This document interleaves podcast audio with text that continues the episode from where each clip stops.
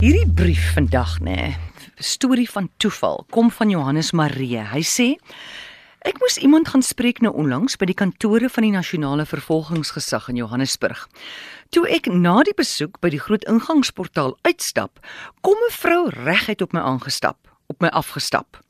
Sy lyk vir my toe so effe verward. Nou, die voorportaal staan vol advokate en regsgeleerdes met swart pakke. Ek was die enigste een in gewone drag. Sy sê meneer, ek is seker u kan Afrikaans en Engels praat. Ja, ek kan. Meneer, niemand kan my verstaan nie en ek kan nie bekwam Engels praat nie. Sy sê toe sy moet by die Bali kantoor uitkom om persoonlik 'n dokument te kom afhaal.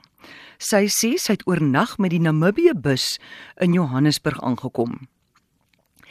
By die stasie het hulle haar na die polisiestasie gestuur, maar hulle het haar toe nou weer teruggestuur na die nasionale vervolgingsgesag kantoor in Johannesburg en sy sê sy kan nie daar regkom nie. Ek kan toe sommer sien sy het al heelwat straatblokke deurgestap. Self het ek ook nie geweet waar dit is nie, maar gelukkig het een van die advokate geweet. Dit was toe al die tyd in Sandton. Sy was verslae. Hoe kom sy daar?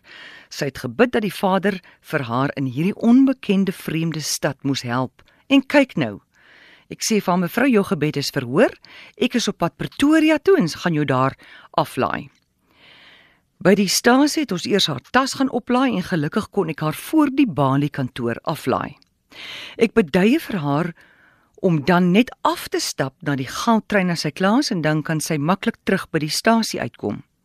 Ek was nog in Pretoria toe sy my skakel. Reeds op pad Klerksdorp toe, Klerksdorp toe, waar sy 'n volgende bus kan kry en sy daar familie het. Toe sy by die Goudtreinstasie kom, staan daar 'n aantal taksies met Noordwes registrasies. Weereens was sy betyds, want hulle was op die punt om Klerksdorp toe te vertrek.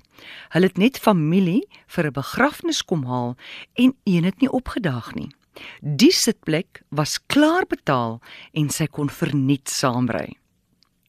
Nou vir 'n Afrikaanse plattelander op die Suidwesgrens met geen vorige ervaring van die vreeslike Johannesburg nie, was gebed die antwoord.